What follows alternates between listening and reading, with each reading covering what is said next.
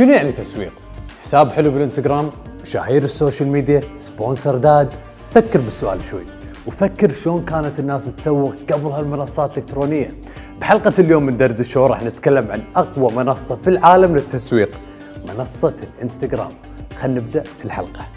دردش شو دردش شو حياكم الله في برنامج دردش شو. معاكم أخوكم عيد المجيب المختص في التسويق الأونلاين. وبرنامج دردش شو نتكلم عن كل شيء يخص التسويق الأونلاين والمشاريع الأونلاين. فإذا للحين ما ضغطتوا على ال subscribe أبيكم تضغطون على ال subscribe أول بأول عشان تقدرون تشوفون كل الحلقات اللي تنزل كل أسبوع إن شاء الله. قبل لا نبدأ الحلقة خلينا نسمع الرسالة السريعة. من ال sponsor. وايد ناس تسألني عن الموسيقى اللي أستخدمها في هالبرنامج وفي دوراتي وتسألني ليش دائما أستخدم نفس الموسيقى. الموسيقى هذه اسمها العلامة التجارية الصوتية ونفس أهمية أي علامة تجارية ثانية مثل الشعار لازم تكون عندك علامة تجارية صوتية موسيقى خاصة. لأن الموسيقى تلعب دور كبير في الإحساس الكلي للفيديو أو للمحتوى وأكبر الشركات بالعالم عندها علامة تجارية صوتية. شنو أول شيء في بالك لما تسمع هالصوت؟ السبب اللي خلاك تقول نتفلكس على طول لأنهم دائما يستخدمون نفس الموسيقى. إذا كنت شخص مختص في صناعة المحتوى لازم تكون عندك موسيقى خاصة لعلامتك التجارية. وشركة ميوزك جريد ما قصروا معاي وسووا لي الموسيقى العجيبة اللي تسمعونها في هالبرنامج وفي كل المحتوى اللي أقدمه. قررت شركة ميوزك جريد تعطي كل مستمعين هالبرنامج خصم 20 من 100 كل اللي عليكم تسوونه إنكم تزورون الموقع وتستخدمون كود الخصم عيد 20 قبل أن نتكلم عن التسويق عبر الإنستغرام خلينا نشوف شنو يعني تسويق. إيش رأيكم نسأل باندا؟ باندا شنو يعني تسويق؟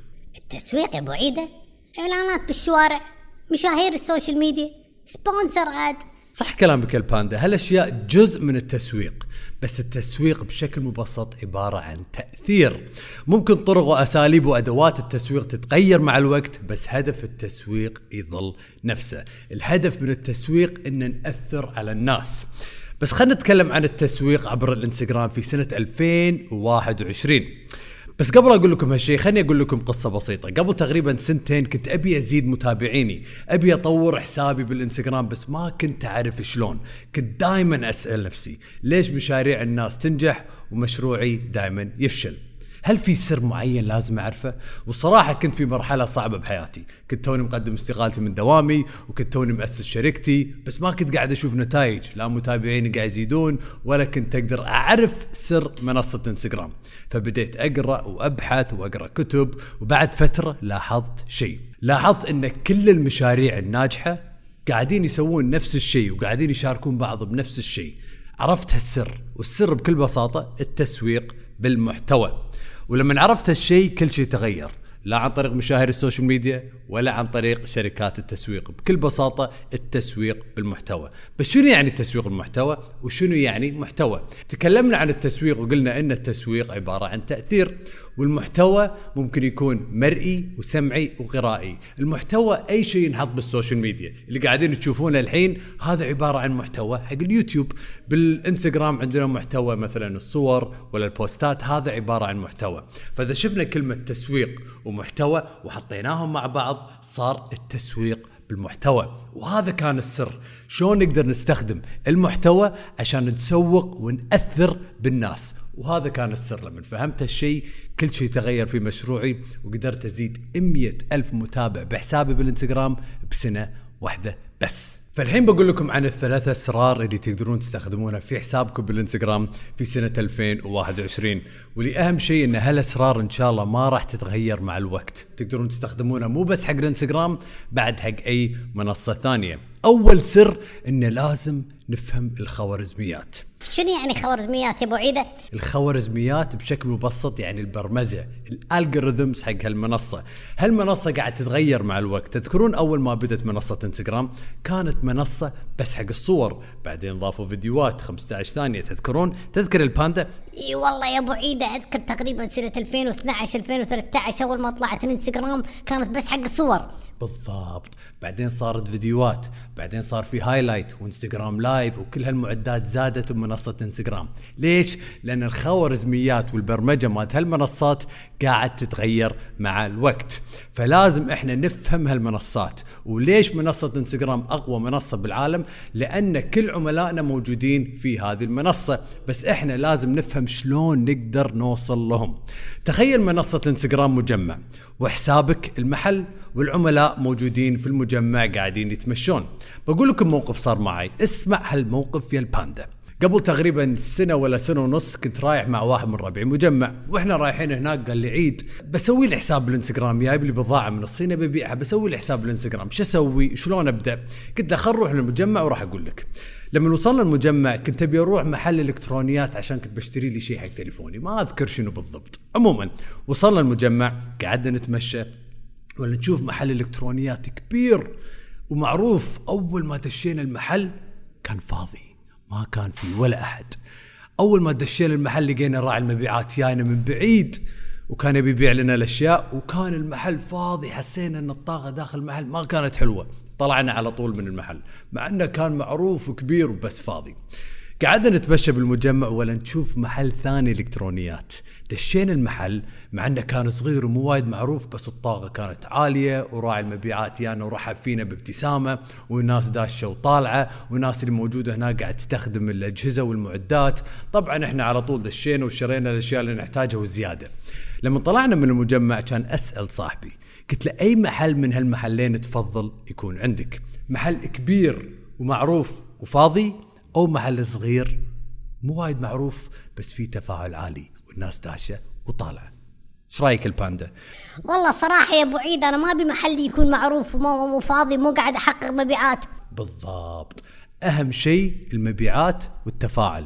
فلازم أنتم ما تركزون على المتابعين بحسابكم بالإنستغرام تركزون على التفاعل وتركزون على أنكم تبنون علاقة مع المتابعين. فهذا أول سر بكل بساطة أنكم تعاملون حسابكم بالإنستغرام كأنه محل. لما يدشون محلكم شنو الإحساس اللي تبون يحسونه لما يدشون حسابكم بالإنستغرام؟ فكروا بهالسؤال. إيش رأيك الباندا؟ شنو تبيهم يحسون لما يدشون محل البخور مالك؟ والله يا أبو عيد شوف أنا أبيهم يثقون بالمنتج مالنا وأنا أبيهم يرتاحون الصراحة. بالضبط. عشان يثقون فيك شنو لازم يحسون لما يدشون حسابك بالإنستغرام؟ هل تبيهم يحسون نفس اللي إحنا حسينا فيه لما دشينا المحل الكبير وراعي المبيعات جاينا على طول؟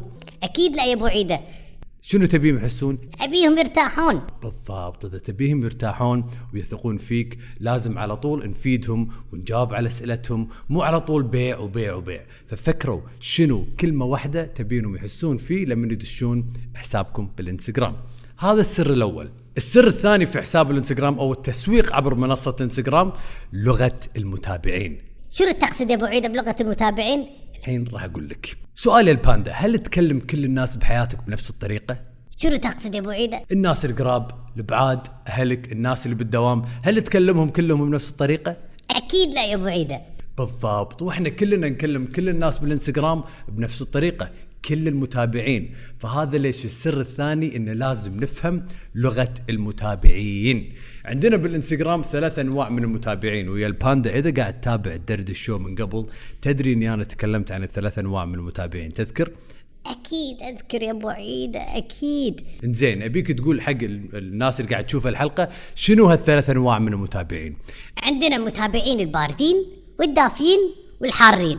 يا سلام عليك. بالضبط. عندنا متابعين الباردين والدافين والحارين. بس شنو يعني متابعين باردين؟ دافين. حارين المتابعين الباردين هذول الناس اللي موجودة بالإنستغرام بالمجمع بس للحين ما يعرفون البراند مالنا ما يعرفون الشركة مالتنا ما سمعوا عنا هذول نسميهم باردين فلازم إحنا نخاطبهم بطريقة مختلفة. وبعدين عندكم المتابعين الدافين هذول الناس اللي شافوكم سمعوا عنكم يعرفونكم بس للحين ما شروا منكم. يمكن يتابعونكم بس للحين ما طلبوا من مطعمكم. يمكن يتابعونكم بس للحين ما تواصلوا معاكم. وشروا منكم. هذول يسمونهم المتابعين الدافين. والمتابعين الحارين هذيل أهم متابعين. هذيل الناس اللي شروا منكم ويحبونكم ويثقون فيكم. فلازم إحنا نخاطب كل نوع من هالأنواع من المتابعين بلغة معينة. زين ابو عيدة أنا شنو استفيد إذا عرفت الثلاث أنواع من المتابعين؟ خوش سؤال الباندا. راح تستفيدون إنكم راح تعرفون شلون تخاطبونهم في الإعلانات في المحتوى بالستوري بالبوستات ما يصير نخاطب كلهم بنفس الطريقة. الشخص اللي تعرفونه قبل عشر سنين ما يصير تكلمونه نفس الشخص اللي تعرفونه بنفس اليوم ولا اليوم ولا الشخص اللي ما تعرفونه.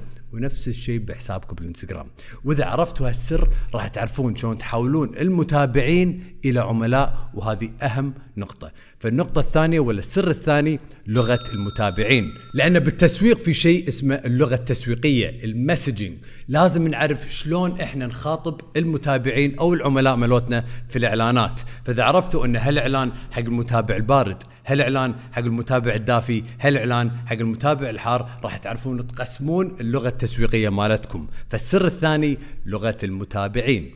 السر الثالث مهارة المقاول بالتسويق. 99% من المشاريع تفشل بسبب هالمهارة. وتدري يا الباندا أنا بعد أتكلم عن مهارة المقاول بكل دوراتي. أكيد يا أبو عيد أعرف مهارة المقاول. شنو مهارة المقاول؟ لازم تعطي الخباز خبزة. بالضبط.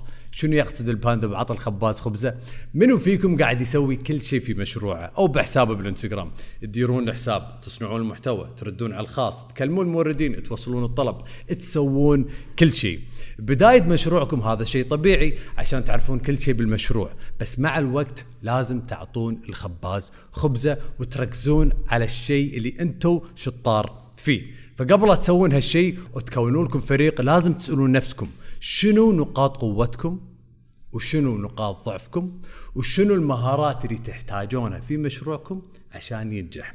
واللي اهم من هالأشياء تسألون نفسكم شنو الأشياء اللي أنا ما أحتاج أسويها؟ شنو الأشياء اللي أنا لازم أركز عليها؟ يسمونهم valued skills ولا high value skills. الأشياء اللي لها قيمة عالية إذا سويتوها راح تدخل لكم مصدر دخل أو راح تركزون عليها. فأنتوا شوفوا شنو الأشياء اللي تقدرون تخلون ناس ثانية تسويها في مشروعكم وشنو الأشياء اللي أنتوا لازم تركزون عليها. مهارة المقاول بكل بساطة إذا تبون تبنون بيت تحتاجون صباق وحداد ونجار بس هالأشخاص بروحهم ما راح يقدرون يبنون البيت. من يحتاجون الباندا؟ يحتاجون المقاول. بالضبط. والشغل المقاول إنه يوجه كل هالأشخاص باتجاه هدف معين بناء البيت أو حسابكم بالإنستغرام. فتحتاجون مصور مبرمج مصمم صانع محتوى خدمة عملاء بياع كل هالأشياء عشان يكون عندكم محل أو حساب بالإنستغرام. جاهز فسألوا نفسكم. أي مهارة من هالمهارات أنتم شطار فيه؟ وأي مهارات حابين توظفون ناس عشان يسوون هذا الشيء؟ وإذا تبون تعرفون منصات وين تلقون هالمهارات الحين بعطيكم ست منصات موجودة عالميا وبالخليج.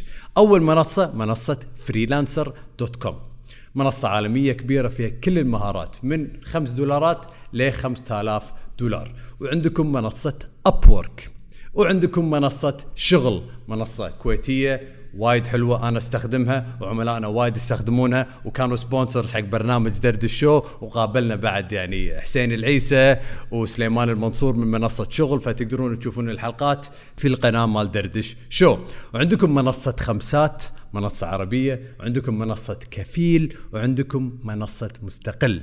في هالمنصات فيهم ناس تتكلم عربي رخاص غاليين فلا تحاتون. أهم شيء شنو يا الباندا؟ إنك تعطي الخباز خبزة. بالضبط. يا سلام عليك. الله يعطيك ألف ألف عافية. وبس والله يا tycoons هذه حلقة اليوم من برنامج دردش شو. تكلمنا عن الثلاث أسرار في التسويق في الإنستغرام في سنة 2021 أول سر تكلمنا أنكم لازم تفهمون الخوارزميات أو البرمجة. ثاني سر أنه لازم نعرف لغة المتابعين. وثالث سر لازم نعرف مهارة المقاول بالتسويق. بس هذا اللي بيكم تسوونه تركزون على مهارة المقاول لغة المتابعين وتفهمون خوارزميات الانستغرام تعاملون حسابكم بالانستغرام كأنه محل وإن شاء الله راح تشوفون نتائج كبيرة. الحين الباندا ابيك أنت تطبق هالأشياء في مشروعك وتعطينا رأيك الأسبوع الجاي بالأشياء اللي شفت فيها نتائج وأنتم بعد ال tycoons طبعا tycoon بالإنجليزي يعني الرؤساء. الملوك الأبطال في المجال اللي هم فيه. ال tycoons الناس اللي تحب تستثمر بنفسه اللي ما تخاف من الفشل اللي تحب تجازف اللي تحب تطور من نفسه وتتعلم أشياء جديدة كل يوم. فهذا ليش احب اناديكم ال tycoons. وانادي أنا كل الناس اللي تشترك في دوراتنا ال tycoons وأدري كل واحد فيكم قاعد يطالع هالحلقة tycoon. الله يعطيكم ألف ألف عافية. مثل ما قلت لكم لا تنسون تضغطون على ال like وال subscribe عشان تساعدون هالقناة تكبر وما يطوفكم أي حلقة بالتوفيق إن شاء الله يا tycoons وإن شاء الله نشوفكم بحلقة ثانية من برنامج دردش شو.